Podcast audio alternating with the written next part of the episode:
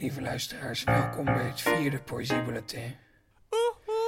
Het weer is overdadig goed voor ons de afgelopen paar dagen. Dat hebben we op zich ook wel verdiend in een wereld die minder overdadig dan ooit is. En waarin bijna alle leuke dingen zijn afgeschaft. En misschien wel daarom is dit een extra lange aflevering van het Poëziebulletin. Of misschien is het gewoon omdat ik zoveel mooie dingen heb gekregen. In ieder geval begin ik weer met een gedicht dat ik zelf heb uitgekozen. Ik probeer deze podcast doorgaans vrij te houden van zelfpromotie. Ik ben liever de aangever van de dichters die ik waardeer. Maar nu wil ik toch iets met jullie delen waar ik zelf aan werk. Dit najaar verschijnt bij de bezige bij mijn vertaling van de bundel Crow van Ted Hughes. En tijdens het werken daaraan kwam ik een gedicht tegen dat ik erg toepasselijk vond voor de huidige staat van de wereld. Nu kan ik natuurlijk het origineel voorlezen, of ik geef jullie de wereldpremière van mijn vertaling van het gedicht A Disaster van Ted Hughes. Een ramp. Er kwam nieuws over een woord. Kraai zag het mensen doden. Hij had goed. Hij zag het volledige steden tot puin walsen. Weer had hij goed. Hij zag het zijn uitwerpselen zeeën doen vergiftigen. Hij werd waakzaam. Hij zag het zijn adem hele landen doen verbranden tot stoffige kolen. Hij vloog op en tuurde. Het woord sijpelde zijn weg, louter mond, oorloos, oogloos. Hij zag het zuigen aan steden als aan de tepels van een zeug, alle mensen uitdrinken tot er geen meer over was, alle verteerd in het woord. Vraatzuchtig beproefde het woord zijn grote lippen op de bolling van de aarde als een gigantische lamprei. Daar begon het te zuigen, maar zijn inspanning verzwakte. Het kon niets dan mensen verteren, dus daar kromp het, zwakker rimpelend, poelend als een instortende paddenstoel. Uiteindelijk een opdrogend zoutmeer. Zijn tijdperk was voorbij. Al wat er van overbleef een broze woestijn, blikkerend met de botten van de mensheid, waar kraai wandelde en mijmerde. Het is misschien toch wat minder vrolijk dan ik dacht, maar laten we omdat het mooi weer is niet doen alsof er niet een pandemie aan de gang is. De bijdrage die ik kreeg van Iduna Paalman past hier eigenlijk perfect achteraan, want Iduna begint met een gedicht dat ook al zo donker is en daarachteraan komt een jubelend gedicht, zodat we allemaal toch weer hoop op een goede afloop krijgen. Dag lieve Daan, dit is uh, Iduna. Ik heb uh, twee gedichten uitgekozen. Een vrij confronterend gedicht van Jan Wolkers en als tweede een hoopvol gedicht van Anne Sexton. En ik begin met, uh, met het gedicht van Jan Wolkers. Ik heb het uit de verzamelde gedichten die de bezige bij van hem uitgaf in 2008. En het gedicht heet Valse Lente. Het gedicht bestaat uit meerdere delen en ik lees deel 3. Valse Lente. Wie slaat de bloesem uit dit dode hout? Wie weeft nylon zweetdoek door de takken? Ijskoud het lekkerst schijnt niet te bestaan. Een vroege salamander moet verrekken. Er is in de oktoberstorm meer leven dan in de kille vlagen van april. Is dit de geboorte van nieuw leven? De discusschijf van de placenta wordt gemangeld tot ijzig mos onder de uitslag van de rijp. De winterslaap wordt vreed verstoord door groeikracht. De huiver doet het tere groen verstijven. Men teelt een blad op en daar staat geschreven, in taal die slechts de wormen is gegeven: dood, dood en nog eens dood en even leven. Het tweede gedicht heet Geel, of eigenlijk oorspronkelijk Yellow. Het is van Anne Sexton. Annemarie Slootweg vertaalde het en nam het op in haar uh, selectie van gedichten van Sexton uh, onder de titel In het diepe museum. Uitgeverij De Papieren Tijger gaf het uit in 1988. En ik vind dat uh, Annemarie Slootweg het erg mooi heeft vertaald. Vandaar de uh, Nederlandse versie hier. Geel. Als ze de zon weer aanzetten, dan plant ik er kinderen onder. Dan steek ik mijn ziel aan met een lucifer en laat hem zingen. Dan neem ik mijn moeder en zeep haar in. Dan pak ik mijn botten en poets ze op. Dan stofzuig ik mijn verschraalde haar. Dan betaal ik alle erge schulden van mijn buren. Dan schrijf ik een gedicht dat geel heet en leg ik mijn lippen neer om het op te drinken. Dan voer ik mezelf lepels vol hitte en iedereen zal thuis met zijn vleugels zitten spelen en de planeet zal schokken van al dat glimlachen. En nergens zal vergif zijn. Geen plaag aan de hemel en er zal een moedersoep zijn voor alle mensen en we zullen nooit doodgaan, niet één van ons, we gaan door. Toch? Ook deze week weer een gedicht van een luisteraar. Dit keer Sophie Laurence. Ze leest een gedicht van Marieke Lucas Rijneveld, die, zo hoorden we deze week, als eerste Nederlander ooit de shortlist van de Booker Prize gehaald heeft. Marieke Lucas, als je luistert, gefeliciteerd. Hier is Sophie Laurence. Dag Daan en lieve luisteraar. Ik lees een gedicht voor uit de bundel Kalsvlies van Marieke Lucas Rijneveld. Het gedicht heet Vormen van openbreken, iets waar we allemaal behoefte aan hebben in deze barre tijden. Voordat het ontpoppen zou plaatsvinden, wees je mij op de onzijdigheid van een rups die pas als vlinder een mannelijk of vrouwelijk kleurenpatroon kreeg met een bedenktijd van hoogstens tien maanden. Maakte je van je armen een kokon en ik ertussen. Twee vormen van openbreken, fluisterde je, liet er bij je kin op mijn hoofd rusten. Na een paar minuten leek er al een kuiltje in mijn schedel te komen waar een balletje in stilgelegd kon worden. Het in een plastic golfpinnetje veranderde en de jouwe het schot dat mijn gaten op zou vullen, hoe moeilijk de richting en het schatten ook zouden worden. Dat mijn lippen vervellen is een teken. Hoeveel huid moet de mens in de loop der jaren kwijtraken om te kunnen zeggen dat dit een gavere versie is dan de vorige? Je armen knellen en je hart bonkt tegen mijn rug. Twee tellen tussen iedere klopping. Als ik het met bliksem en donder moet vergelijken, ben je nu dichterbij dan ooit, maar niets in mij weet hoe om te gaan met het kraken in mijn ruggengraat als inslag in een boom. Schuilen is ook een vorm van tevoorschijn komen, maar dan teruggespoeld. We zijn veel van elkaar, maar te weinig om geliefde te zeggen. Hoe naakt we soms ook zijn en naar plaatsen wijzen waar onderhuids een verandering is begonnen. Het lichaam aan elkaar tonen als een kijkdoos. We hebben methodes ontwikkeld om hormonen te bestrijden. Door alles wat in beweging komt stil te zetten, zoals we een keer een verpopte rups openkrapten. Steeds opnieuw en hij, onze hele jeugd, een larve was gebleven. Hoe we hem op een regenachtige dag, waarvan we later konden zeggen dat we de regen erbij bedacht hadden voor het dramatische effect, in een luciferdoosje schoven, beloofden dat we anders zouden worden. Vorige week had ik jullie een interview met Jan Boerstoel beloofd en ik ben een man van mijn woord. Hij zou eigenlijk deze maand te gast zijn in de Poëziepodcast, maar toen kwam de maatschappij tot stilstand. Dus in juni doen we een nieuwe poging en nu is hij vast te horen in het Poëziebulletin Jan Boerstoel. Aan de telefoon, dus de audiokwaliteit is niet geweldig.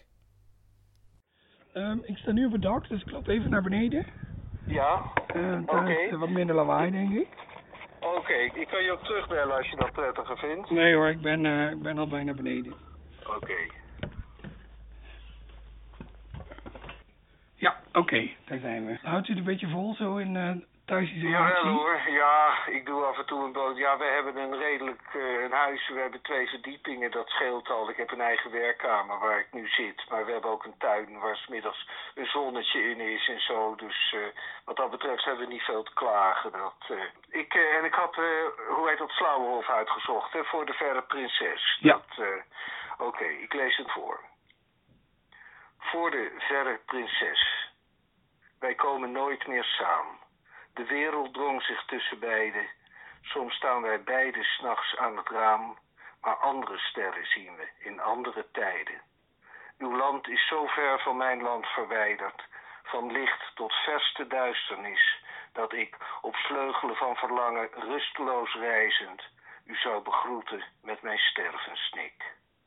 Maar als het waar is dat door grote dromen het zwaarst verlangen over wordt gebracht tot op de verste ster, dan zal ik komen. Dan zal ik komen iedere nacht. Een prachtig gedicht blijft het toch, hè? Ja, ik blijf dat toch een heel mooi gedicht vinden. Het wonderlijke is van Slauerhof dat uh, ik ben eigenlijk mede naar aanleiding van jouw telefoongesprek. Denk ik, ik ga nog maar weer eens even herlezen, hè, dat, uh, dat verzameld werk, die verzamelde gedichten. En ja, het, het wisselt nogal. Het is soms, vind ik het althans, ja, met de ogen van nu en het oordeel van nu, is het heel gekunsteld en ook eigenlijk uh, vrij, ja, vrij hakkelend soms bijna geschreven. Hè? En andere keren zit het wel heel, heel gaaf in de, in de vorm en zo. Dat uh, op een of andere manier is het niet steeds uh, heel erg met elkaar te vergelijken. Maar ja, het blijft toch een heel fascinerende dichter. En uh, ik heb er ook nog maar eens een klein boekje herinneringen aan Slauwerhof bijgenomen. Om maar weer eens even iets over zijn leven te weten. En dan begrijp je ook beter wat een beetje de achterliggende gedachten waren. Hè? Dat een ja, de, de drang die hij had om, uh, om die gedichten te schrijven.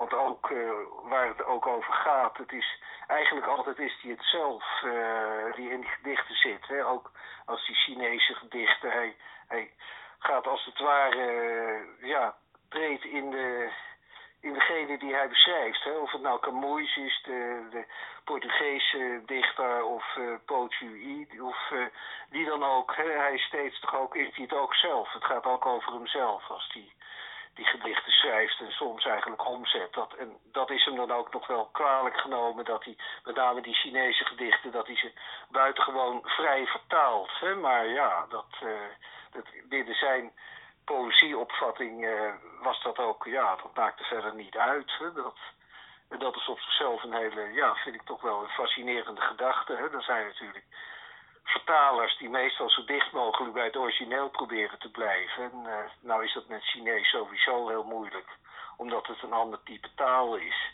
Maar uh, ja, dat, uh, de een trekt zich daar meer van aan dan de ander. Hè? Dat, en hij deed dat niet zo heel erg soms. Er is natuurlijk ook wel wat voor te zeggen om in een vertaling iets van jezelf te leggen. Hoewel ik zelf ook een hele brave vertaler ben hoor. Ja, kijk, je ontkomt er natuurlijk niet aan. Uh, kijk, sowieso, je gaat vanuit een andere taal. Je hebt een ander, uh, ja, ik weet niet, er is een zieke naam voor, maar uh, je hebt een ander instrumentarium tot je beschikking. Hè, dat, maar het is wel zo dat toch, het is altijd te merken dat ik, ik heb zelf ook wel eens het een en ander vertaald. Maar bijvoorbeeld, ik ben, ben goed bevriend met, met Jean-Pierre Rabhi die ook veel uit allerlei talen vertaalt, maar dat op zich heel goed doet en toch heel dicht bij het originele blijft. Hè? Dat, en je ziet het ook soms, dat er zijn ook wel, uh, ik wil dan geen namen noemen, maar ik ken ook wel mensen die ik overigens verder hoog heb, maar die in het Nederlands vrijmatige dichters zijn. En als ze dan uit andere talen iets vertalen, dan levert dat ook matige vertalingen op. Gewoon, terwijl er soms keurig in staat wat, wat precies in het oorspronkelijke, oorspronkelijke gedicht staat. Alleen, uh, ja, op een of andere manier, uh, het, het loopt niet lekker, bij wijze van spreken. Het is, uh, ja, je, je kan toch wel ook aan de vertaler zien wat, uh, ja, of die ook gevoel heeft voor poëzie of uh, misschien meer voor proza of anderszins. Dat... Of groente verkopen. Ja, ook. Maar ja, nogmaals, er zijn hele... Ik, ik ken goede proza-vertalers die inderdaad, als ze poëzie gaan vertalen, dan denk ik, ja, ja, het staat er wel, maar ik vind er nou niks meer aan. Terwijl ik het op zichzelf in het origineel, het gaat dan over talen, uh, waarin ik me verbeeld dat ik het kan lezen. Uh, maar uh, dat ik het in het origineel prachtig vind. En dan, nou ja, dan wordt het een keer in het Nederlands omgezet. En dan denk ik, ja, nou ja, ik vind er niet zo heel veel aan. En om nog even op Slauwerhof terug te komen, wat, wat zou dit gedicht specifiek voor de Verre Prinses, wat zou dat nou zo'n bijzonder gedicht maken? Waar, waar zou hem dat in zitten? Ja, ik denk een beetje ook, uh, ik, ik geloof uh, dat ik misschien tegen jou ook wel eens gezegd heb van, het, ik vond het aanvankelijk, het is, het is een beetje gevoelens, uh, adolescente gevoelens. Hè? Of misschien zelfs, ja, ik, ik ben Slauwenhof gaan lezen op de middelbare school bijvoorbeeld. En daar was ik niet de enige in. En ik ken ook een aantal mensen die in, de, in een fase van je leven dat je nog eh, dat je nog van alles voor de boeg hebt. En dat je ook, eh, nou ja, wil reizen en wil dit en wil dat. Daar past het heel goed bij. En natuurlijk ook, eh, laten we zeggen, ook de, de ongelukkige relaties die af en toe ook bij Slauwerhof in meer dan ruime mate aanwezig zijn. Hè? Dat zijn allemaal dingen die je denk ik erg aanspreken als je zo, nou pak een beetje tussen de, tussen de 15 en de 30 bent of zo. En daarna dan, op een gegeven moment, dan ga je ook, ja, dingen merken die misschien aan die gedichten ontbreken of het interesseert je wat minder.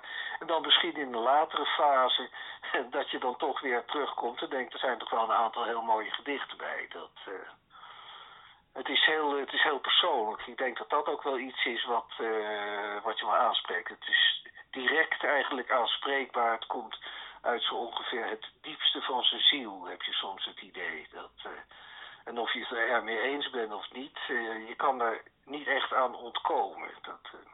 Nee, dat klopt. Niemand kan zeggen dat Slauwerhoff geen authentieke dichter is. Nee, exact. exact. Er zit ook, ja, toch veel... Ja, nou, je had toch ook wel verbittering, boosheid, machteloosheid. Het, het, zit er allemaal in. Dat, het wordt soms heel heel fraai verwoord. En uh, soms ook uh, iets minder fraai, maar dan zit het er toch nog wel in. Eigenlijk dus ook bij uitstek uh, poëzie voor deze tijd, als er machteloosheid en boosheid in zit. Nou ja, dat, ik denk dat dat ook wel weer terugkomt. En kijk, ik, ik denk dat veel van, van de huidige dominante poëzierichtingen, dat zijn toch vaak dingen waar, waardoor mensen wat, nou ja, waardoor mensen er wat moeilijker in kunnen. Hè? Dat is toch wat, wat geslotener geschreven allemaal. Of met uh, soms uh, wel iets te veel, vind ik, metaforen waarvan je denkt, ja, daar moet ik nog eens over nadenken. En Slauwerhof is toch nog, uh, gaat nog recht en slecht een onverdraagzaam leven leiden, zoals hij geloof ik zelf ergens zegt. Lees je zelf nou ook meer poëzie in deze rare crisis waar we allemaal in zitten? nou... Dat is een gewetensvraag. Ja, misschien, het gaat een beetje bij golven, inderdaad. Ik heb niet... Ja, misschien wel. Het, het zou kunnen, maar dat heeft niet zozeer met, eh, met vrije tijd te maken... als wel met... Uh, dat, dat ook, uh, ook in tijden dat je de druk hebt, soms opeens dan denk je van, die ga ik nog eens herlezen. Tenminste, dat, dat heb ik. En andere momenten, ja, dan ben je met heel andere dingen bezig. Maar toevallig inderdaad, de laatste weken komt ook de poëzie nog wel eens uh, om de hoek kijken. Dat, uh, ja. Kan misschien af en toe ook wel een beetje troost bieden, denk ik. Ja, dat is natuurlijk ook, ook een functie. Nou ja, en daar gaan we het misschien ook over hebben als we elkaar wat langer spreken.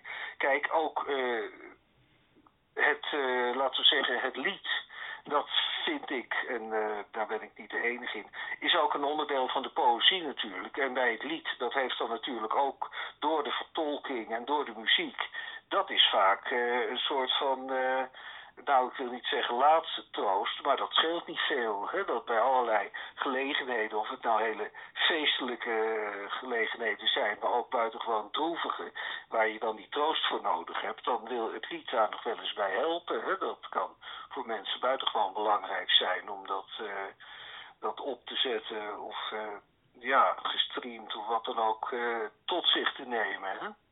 Ja, ik ben het daar helemaal mee eens dat we de liedtekst als een volwaardig onderdeel van de poëzie moeten zien. Ja, het is een beetje, het wisselt natuurlijk, maar het is, uh, ik heb wel eens ooit in een interview heel lang geleden gezegd, uh, het lied, uh, als je uitgaat van de stelling dat heel veel van de alleroudste poëzie die we kennen, dat zijn voornamelijk liederen en zo.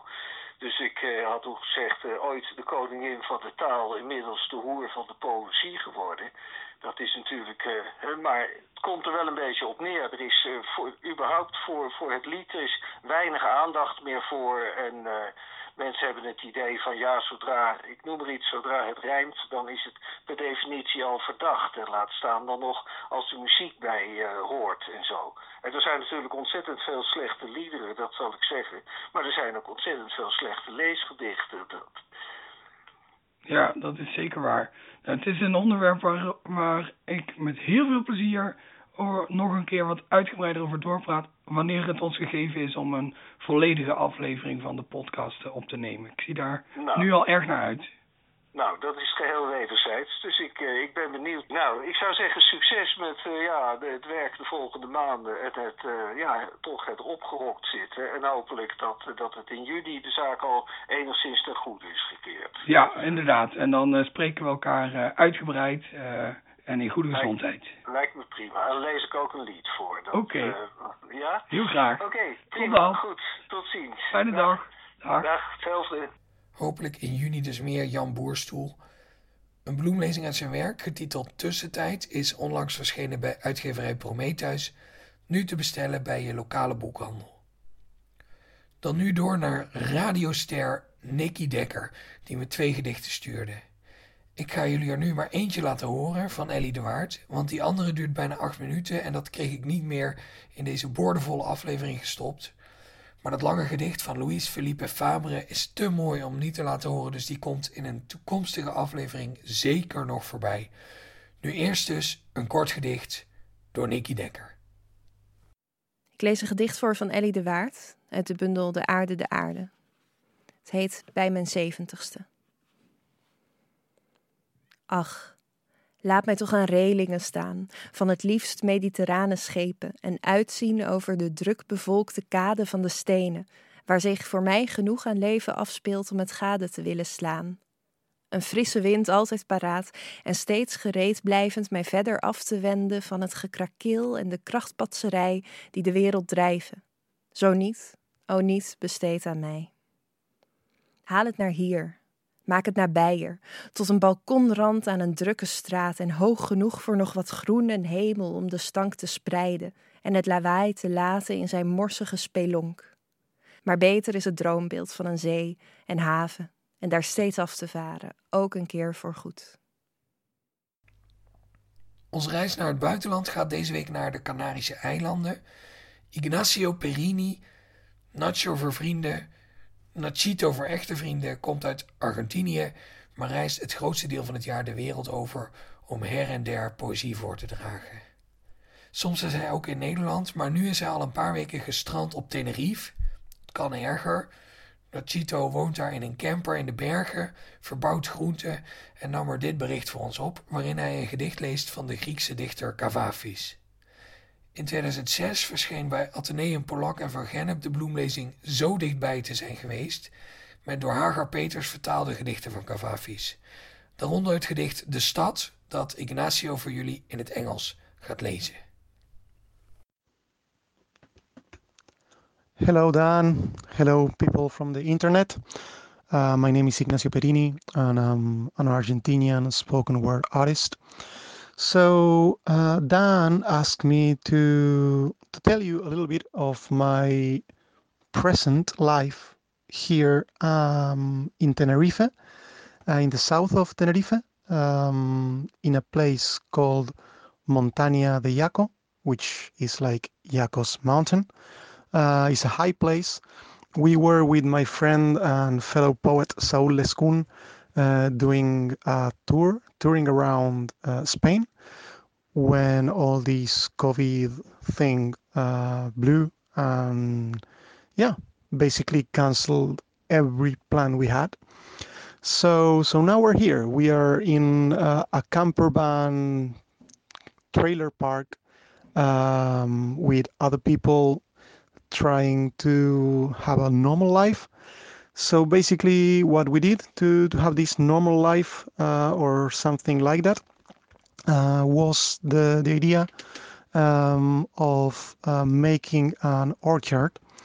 So basically, like a, a, home garden to plant vegetables and fruits and stuff like that.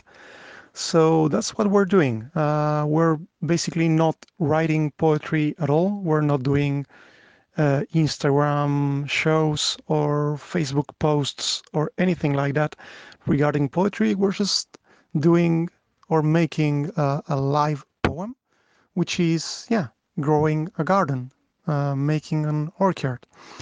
So we are basically doing that every day. Uh, we're living here, uh, waking up early in the morning, having breakfast, and working there, and then yeah, just living day by day. So so yeah, that's that's our life uh, here Um, anyways, um, Dan also asked me for a poem.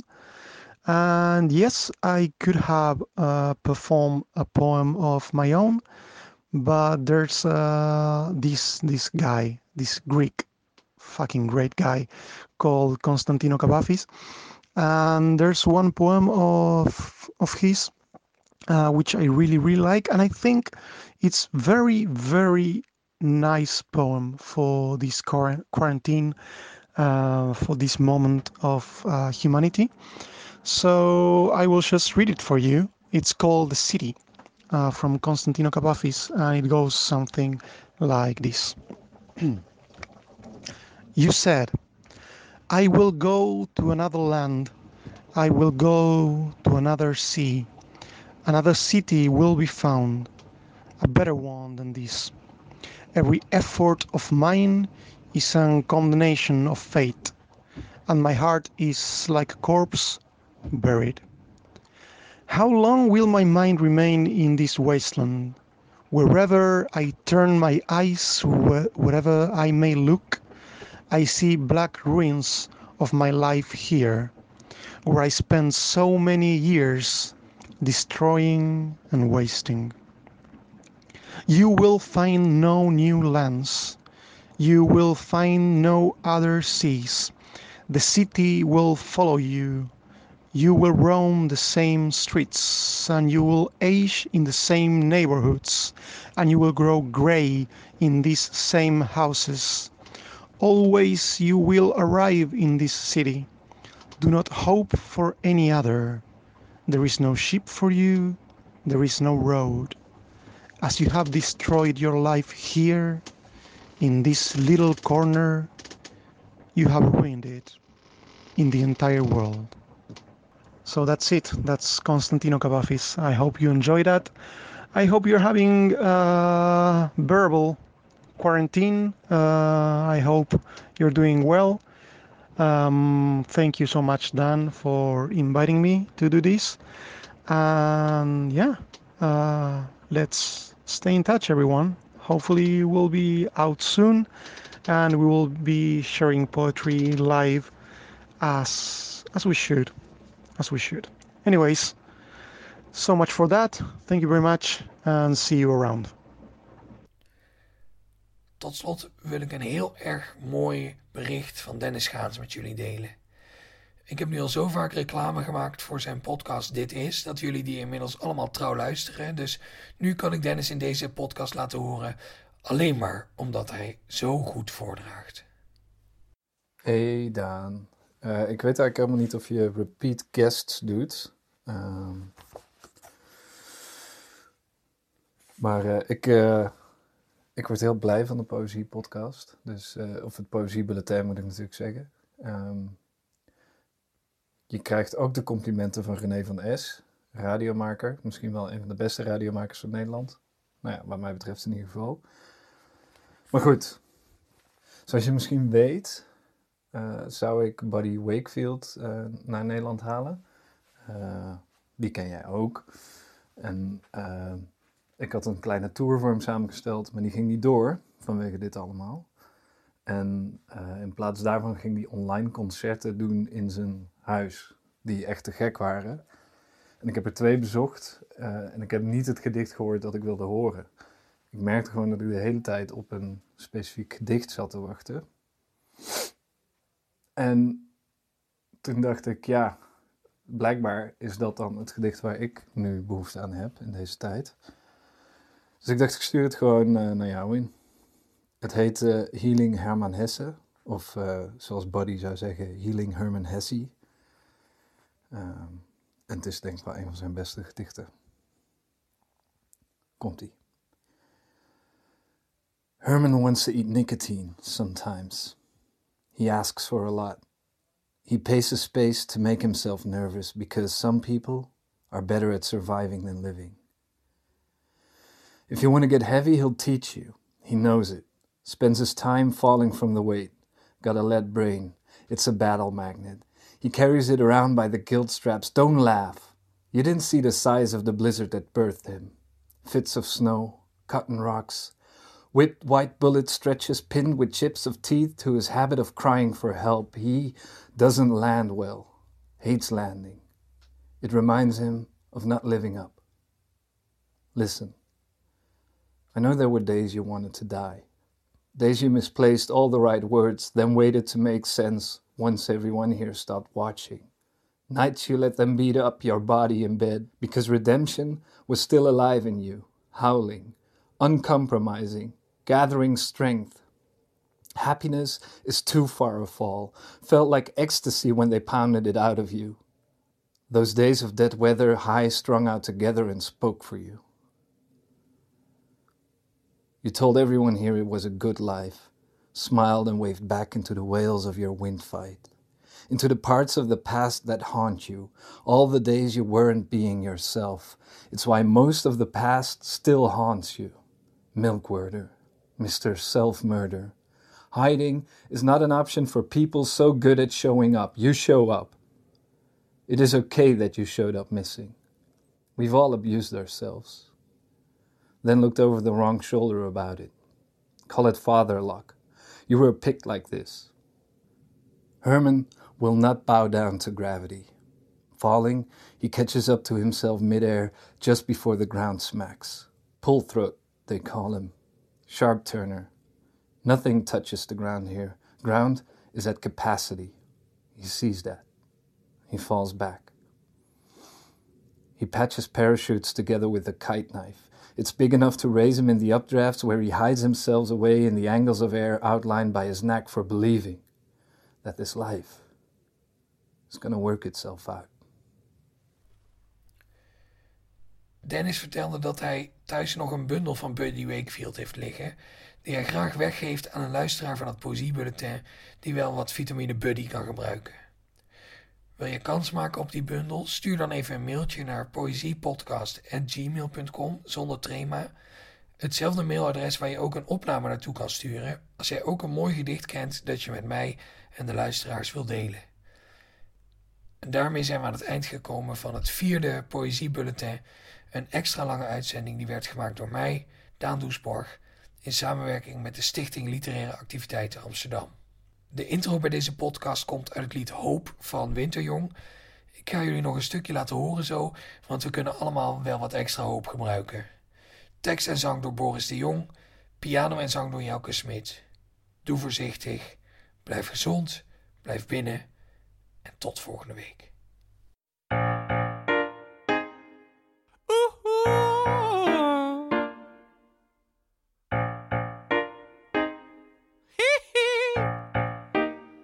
Ik stel me voor dat hoop iets is wat je vast kunt pakken. Dat als je hoop opgeeft, het dan liggen blijft waar je het achterliet. Niet ijl en vluchtig, dat het ergens aan vastplakt. En niet zo onweerlegbaar zwaar als verdriet. Dat zou mooi zijn, mooi zijn, mooi als garantie op een chemokuur. Mooi zijn, mooi zijn, mooi als een deadline, naar de deadline, naar de deadline, naar de deadline.